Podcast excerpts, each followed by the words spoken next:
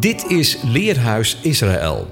Met elke week de bespreking van een gedeelte uit de eerste vijf boeken van de Bijbel. De presentator van deze week is Arnold Visser.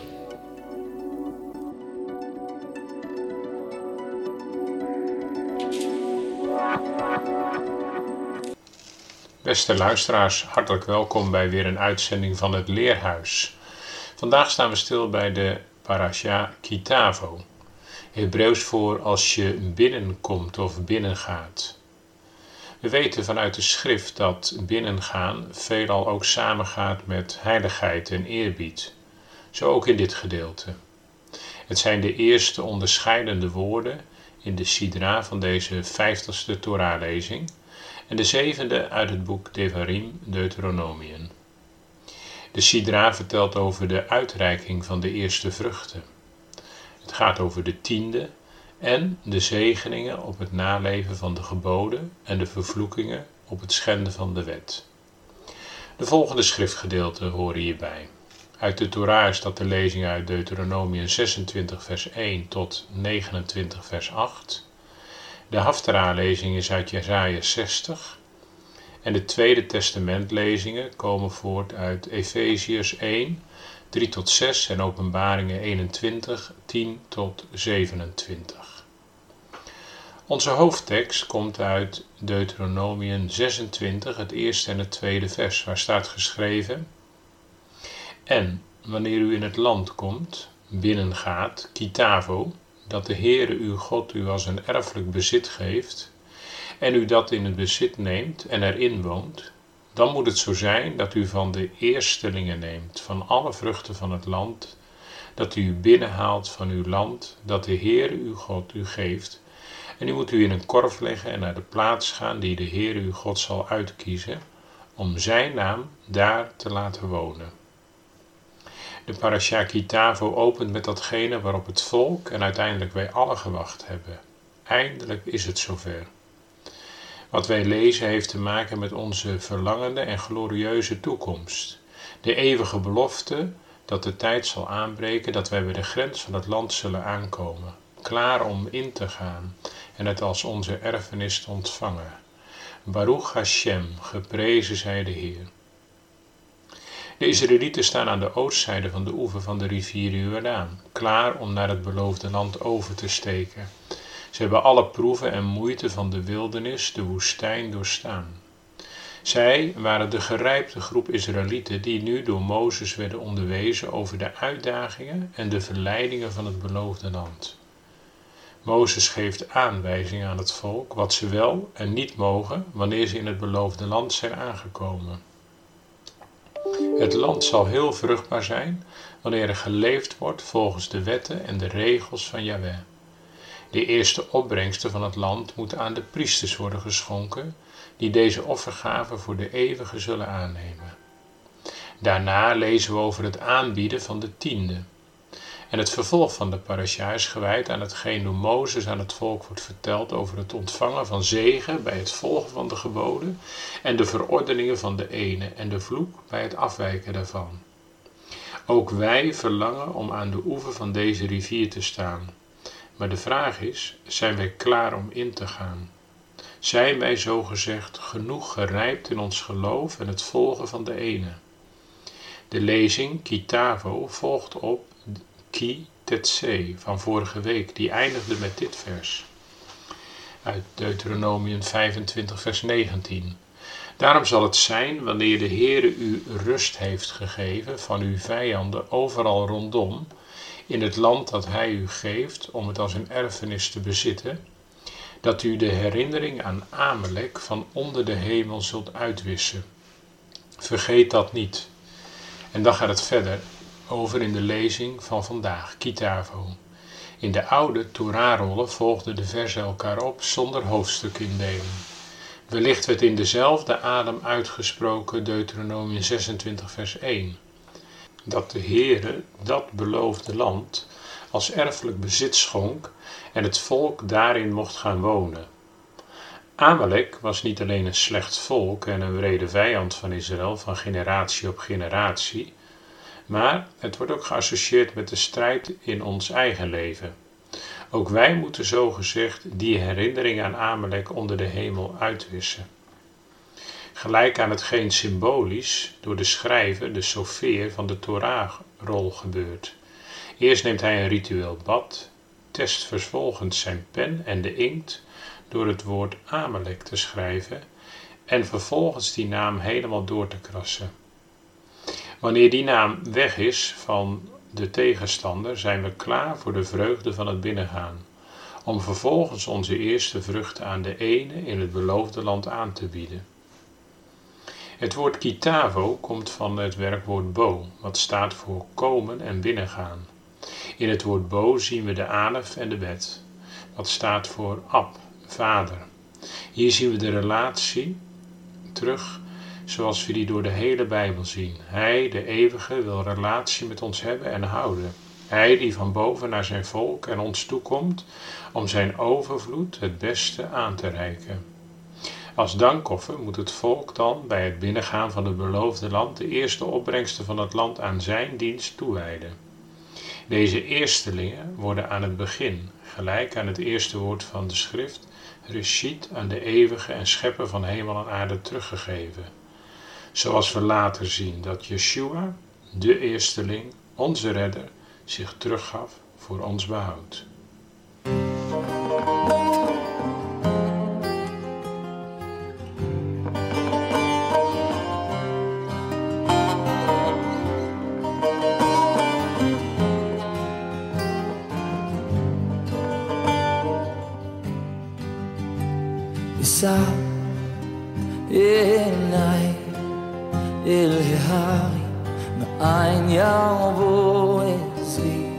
עזרי מעם אדוני, עושה שמיים וארץ.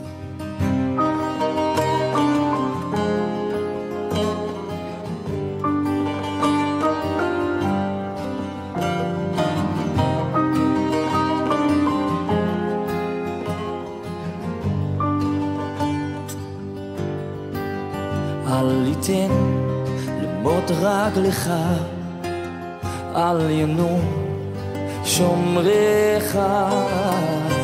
הנה לא ינום, לא יישן שומר ישראל.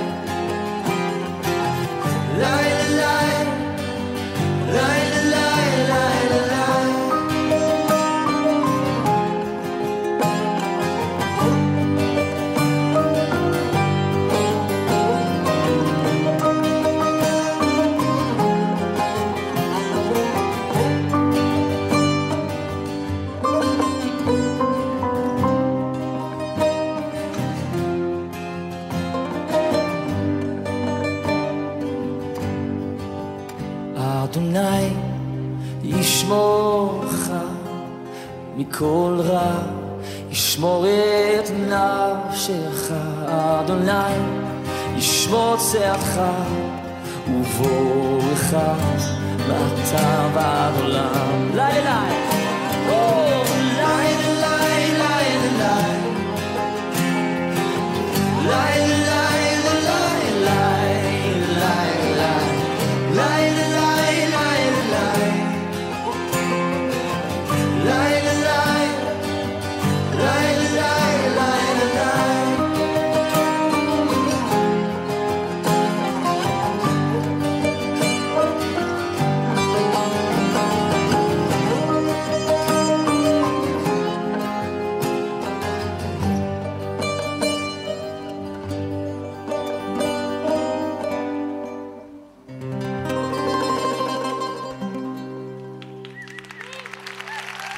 maand Elul is de maand voorafgaand aan Rosh Hashanah. In die maand is er iedere dag het geluid van de shofar. Deze maand is de ultieme maand van herstel die op Rosh Hashanah, Nieuwjaar en Yom Kippur, Grote Verzoendag, tot zijn hoogtepunt komt. Nu is het de tijd om het koningschap van de ene te herstellen en aan te geven wat hem toebehoort. In de parasha van deze week gaan we dieper in op het element van het teruggeven van het koningschap van de ene. Wanneer het volk in het land is gekomen, wordt met de eerste veldsvruchten de dank aan de Heer beleden. Dank voor het binnengaan van het beloofde land dat de ene onze vaderen onder ede beloofd heeft. Pas op het moment dat het volk Israël het beloofde land was binnengegaan, kon men de eeuwige teruggeven wat hem toebehoorde. Hij gaf het land omdat hij deze belofte aan Abraham had gedaan. De zeven soorten vruchten, de eerstelingen, die als een gave geschonken moesten worden, waren door de ene uitgezocht als de ultieme gave van dankbaarheid en erkenning van zijn koningschap. Deze zeven vruchten zijn specifiek verbonden aan het land Israël. We zien ze door de hele schrift beschreven en in verschillende thema's terugkeren. Het zijn de granaatappel, de olijf, de vijg, de dadel, de druif, tarwe en gerst. De ene spreekt in beeldspraak door de vruchten te gebruiken als een voorbeeld van Beracha, de zegen, of van Kelala, de vloek. Mensen worden verschillende malen vergeleken met een vruchtboom, zoals in Psalm 92 er een sprekend voorbeeld van is. De tzaddik, de rechtvaardige, groeit op als een dadelpalmboom. Hij schiet omhoog als de cede van de Libanon. Geplant in het huis van de ene en opgegroeid in de voorhoofd blijven ze zelfs in hun ouderdom welig, sappig en groen. De diepere laag, de geheimenis achter de gave van de eerstelingen, is dat de ene gedankt wordt voor de verlossing uit de slavernij vanuit Egypte. Deze slavernij werd verbroken door het slachten van een lam en het bloed aan de deurposten. Verlossing staat centraal met het geven van de zeven gaven. Wanneer de gave van de eerste vruchten de priester bereikte in de tempel, moest de persoon die een offer bracht een verklaring afleggen. Deze verklaring start met: Mijn vader was een zwervende Arameer. Hij is met een klein aantal mensen naar Egypte gegaan en, terwijl hij daar als vreemdeling verbleef, een groot, machtig en talrijk volk geworden. Jacob is de boom waar de twaalf stammen uit voortgekomen zijn, die met zeventig zielen afdaalden naar Egypte. Die samen het geestelijk bestaan van het Joodse volk vertegenwoordigen. De zeven vruchten zijn verbonden aan de levensboom die in de hemel staat. Deze boom is een bron van leven en de bron van het volk Israël. Hoe meer wij verbonden zijn met de ene, hoe dichter wij bij de boom des levens staan. Vanuit gelaten 5 kennen we de vruchten van de Ruach HaKodesh, de Heilige Geest, te weten liefde, vreugde, vrede, langmoedigheid, vriendelijkheid, goedheid, betrouwbaarheid, zachtmoedigheid en zelfbeheersing. Als wij ons blijven richten op de Messias, kunnen wij de vruchten van de Ruach in ons leven ontwikkelen. Heel ons bestaan is dan een offergave voor de ene. De goede vrucht in ons leven zal Hij zegenen. De gaven die wij schenken moeten voortkomen uit ons doen en laten. Als in het derde jaar van de oogst de tiende werden gegeven, moest men een verklaring aan de een afleggen, waarin duidelijk werd dat niets werd afgehouden van de tiende. Wanneer u in het derde jaar, het jaar van de tiende, de gehele tiende van uw oogst volledig hebt afgestaan en aan de levieten, de vreemdelingen, de weduwe en de wezen hebt gegeven, en zij daar in uw stad volop van eten, dan moet u voor de ene verklaren: Ik heb het heilig uit mijn huis weggedaan en het gegeven aan de levieten, de vreemdelingen, de weduwe en de wezen, zoals u mij geboden hebt. Geen van uw geboden heb ik overtreden of veronachtzaamd. Ik heb er niets in de rouwtijd van gegeten, het niet weggedaan terwijl ik onrein was, en er niets van aan een dode geofferd. Ik heb gehoor gegeven aan de Heer en alles wat u mij geboden hebt ten uitvoer gebracht. Zie neer uit de hemel, uw heilige woning. Zegen uw volk en zegen de grond die u ons hebt geschonken. En het land dat overvloeit van melk en honing, zoals u onze vaderen onder ede beloofd hebt. Als wij geven, moeten wij dit doen zonder bedrog, ikgerichtheid of afgunst. We zien een tegengesteld voorbeeld in Handelingen 5 terug. Er staat, er was een man met de naam Ananias en zijn vrouw met de naam Safira, die zijn veld verkocht. En hij nam wat van de prijs en verborg het, met medeweten van zijn vrouw, en bracht een deel van het zilver en legde het voor de voeten van de apostelen. Maar Petrus zei tegen hem, Ananias, waarom heeft Satan je hart zo gevuld, dat je de Heilige Geest bedriegt omdat je wat zilver van de prijs van het veld hebt verborgen? Was het niet van jou totdat het werd verkocht? En ook de opbrengst behoorde het niet tot jouw beheer? Waarom heb je je hart erop gezet om dit te doen? Je hebt niet tegen mensen gelogen, maar tegen de ene. Nadat Ananias deze woorden had gehoord, viel hij dood neer. En later volgde hetzelfde met zijn vrouw. Er kwam een groot ontzag over diegene die dit hoorde, en het brengt ons echt bij het thema: hou niets achter voor de ene.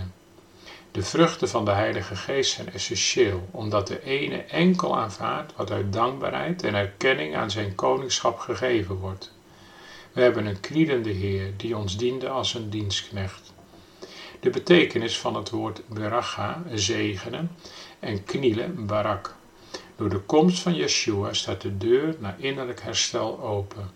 De vruchten van de Heilige Geest zijn onze getuigen.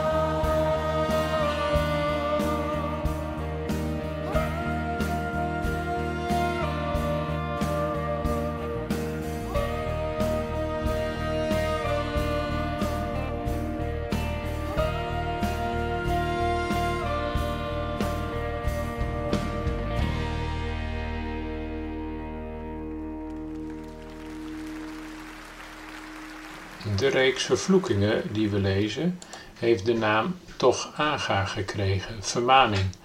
Dit is het langste hoofdstuk van de hele Torah. In sommige synagogen is het gebruik dat diegene die dit moet lezen niet met name wordt genoemd en dat het met zachte stem wordt gelezen vanwege de ernst van de vermaningen. Al deze vervloekingen zullen over u komen. Ze zullen u achtervolgen en inhalen totdat u vernietigd bent, omdat u de Heer uw God niet gehoorzaamde.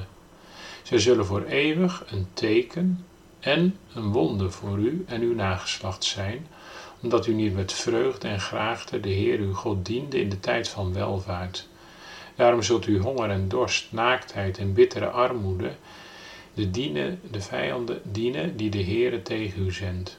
Hij zal een ijzeren juk op uw nek leggen, totdat hij u heeft vernietigd.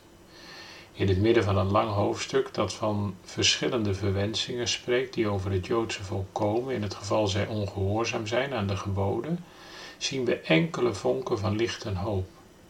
Als we deze versen van nabij bekijken, zien we dat ze een belofte zijn dat een deel van het Joodse volk nooit zal stoppen met het houden van de geboden. De Hebreeuwse tekst gebruikt hier hetzelfde woord als wanneer het gaat over de vernietiging van oudere volkeren die niet meer bestaan.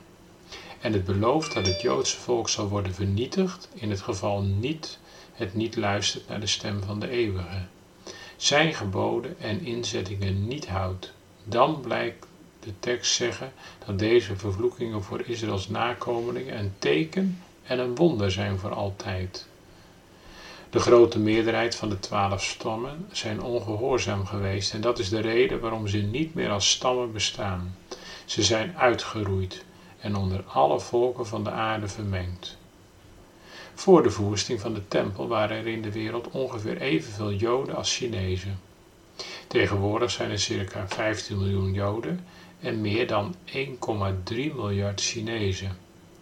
Een duidelijk bewijs dat veel vervloekingen over de Joden zijn gekomen. Tegelijkertijd echter zijn er genoeg Joden aan de geboden trouw gebleven, zodat het Joodse volk nog steeds bestaat. We weten ook dat er een overblijfsel is dat trouw is gebleven aan de eeuwige en zijn Torah. De vervloeking van de vernietiging zal nooit volledig worden, want er zijn genoeg grote beloften die zeggen dat het Joodse volk voor altijd zal blijven bestaan. Dit komt door dat trouwe overblijfsel. Waren het niet geweest voor dat overblijfsel, dan zou het volk als Sodom en Gomorra zijn geweest. Deze tekst leert ons dat we de eeuwige niet dienen, met vreugde en een blij hart, we gebrek aan alles zullen hebben en een ijzeren juk op ons zal worden gelegd. Het juk van ijzer betekent donkere gedachten en zorgen. Het juk kan ook geestelijke onderdrukking en depressie betekenen. Eén manier om de overwinning over deze onderdrukking te behalen is door het prijzen van de eeuwige met vreugde. Als u verleid wordt om depressief te worden, is het goed om juist dan te zingen voor de eeuwige met luide stem, zodat de onderdrukking niet over je komt. Dien de eeuwige met vreugde. Tot slot nog even iets kort over de proclamatie die we zo vaak horen en zelf uitspreken. Het woord Amen. We lezen dit in Deuteronomie 27, vers 15. Er staat: En heel het volk moet antwoorden en zeggen Amen. Dit woord komt in 73 versen voor. Amen is een Hebreeuwse uitdrukking die onder andere aan het eind van een gebed wordt uitgesproken. Het betekent ja, of zo is het, of mogen het zo zijn. Oorspronkelijk is Amen een Hebreeuws bijvoeglijk naamwoord dat letterlijk vast, zeker en getrouw betekent. Het duidt op wat vaststaand, zeker en waar is.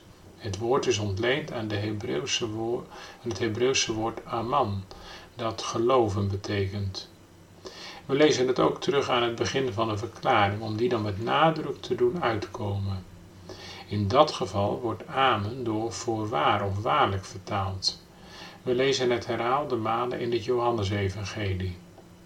In deze betekenis wordt het gebezigd als een inleidend woord door de Heer Jezus, die zijn toehoorders verzekert dat zijn woord zeker zal uitkomen. In Matthäus 15, vers 8, 5, vers 18 staat, want voorwaar, letterlijk amen, ik zeg u totdat de hemel en de aarde voorbij gaan, zal niet een jota of een titel van de wet voorbij gaan totdat alles is gebeurd. Aan het einde van een gebed komt amen als een soort van uitgesproken ondertekening, waardoor de spreker of woorden bevestigt en aanneemt wat er gezegd is. Amen betekent dan het zij zo of zo mogen het gebeuren. Door amen op het gesprokene te zeggen wordt het beaamd. Ook in de hemel wordt amen geroepen, zoals door de 24 oudsten en de vier levende wezens. En, in de, en de 24 oudsten en de vier levende wezens vielen neer en aanbaden God die op de troon zat en zeiden Amen, Halleluja. En de Heer Jezus noemt zich bij de naam of titel de Amen. En schrijf aan de engel van de gemeente de Laodicea, dit zegt de Amen, de trouwe en waarachtige getuige, het begin der schepping Gods. Hij is als de Amen, de waarachtige en betrouwbare, die zijn woord gestand zal doen en de belofte zal vervullen. In de toekomst zal men zich zegenen in de God van Amen, lezen we in Jesaja. Jesaja 65 vers 16. Zodat wie zich zegenen zal op aarde, die zal zich zegenen in de God van Amen. En wie zal zweren op de aarde, die zal zweren bij de God van Amen. Omdat de vorige benauwdheden zullen vergeten zijn en omdat zij voor mijn ogen verborgen zijn. Ik wens u toe dat u in alle omstandigheden mag vasthouden en ja en amen mag blijven proclameren op de Elohim van Amen. Ik wens u een hele goede Shabbat Shalom.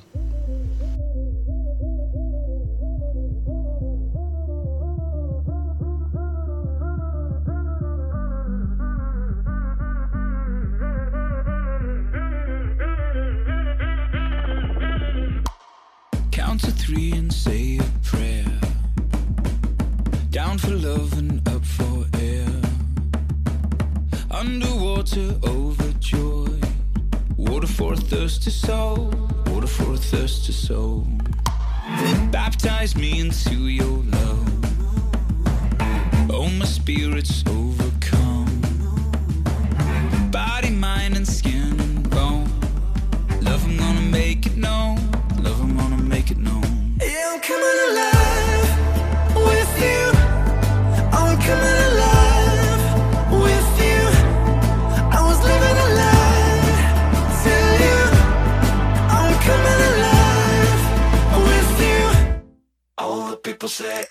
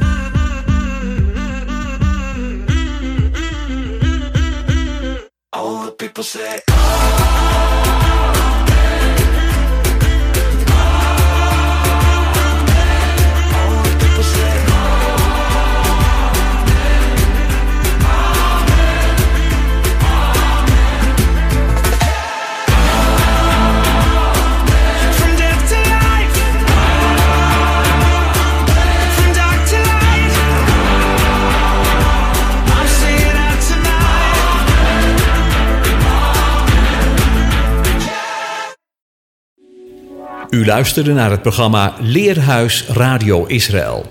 Een wekelijkse studie aan de hand van de Bijbelgedeelten die wekelijks door de Joodse gemeenschap worden gelezen. Heeft u een vraag of opmerking? Stuur dan een e-mail naar info radioisrael.nl. Het leesrooster vindt u op onze website. Ga naar radioisrael.nl en klik onder het kopje radio op programma's.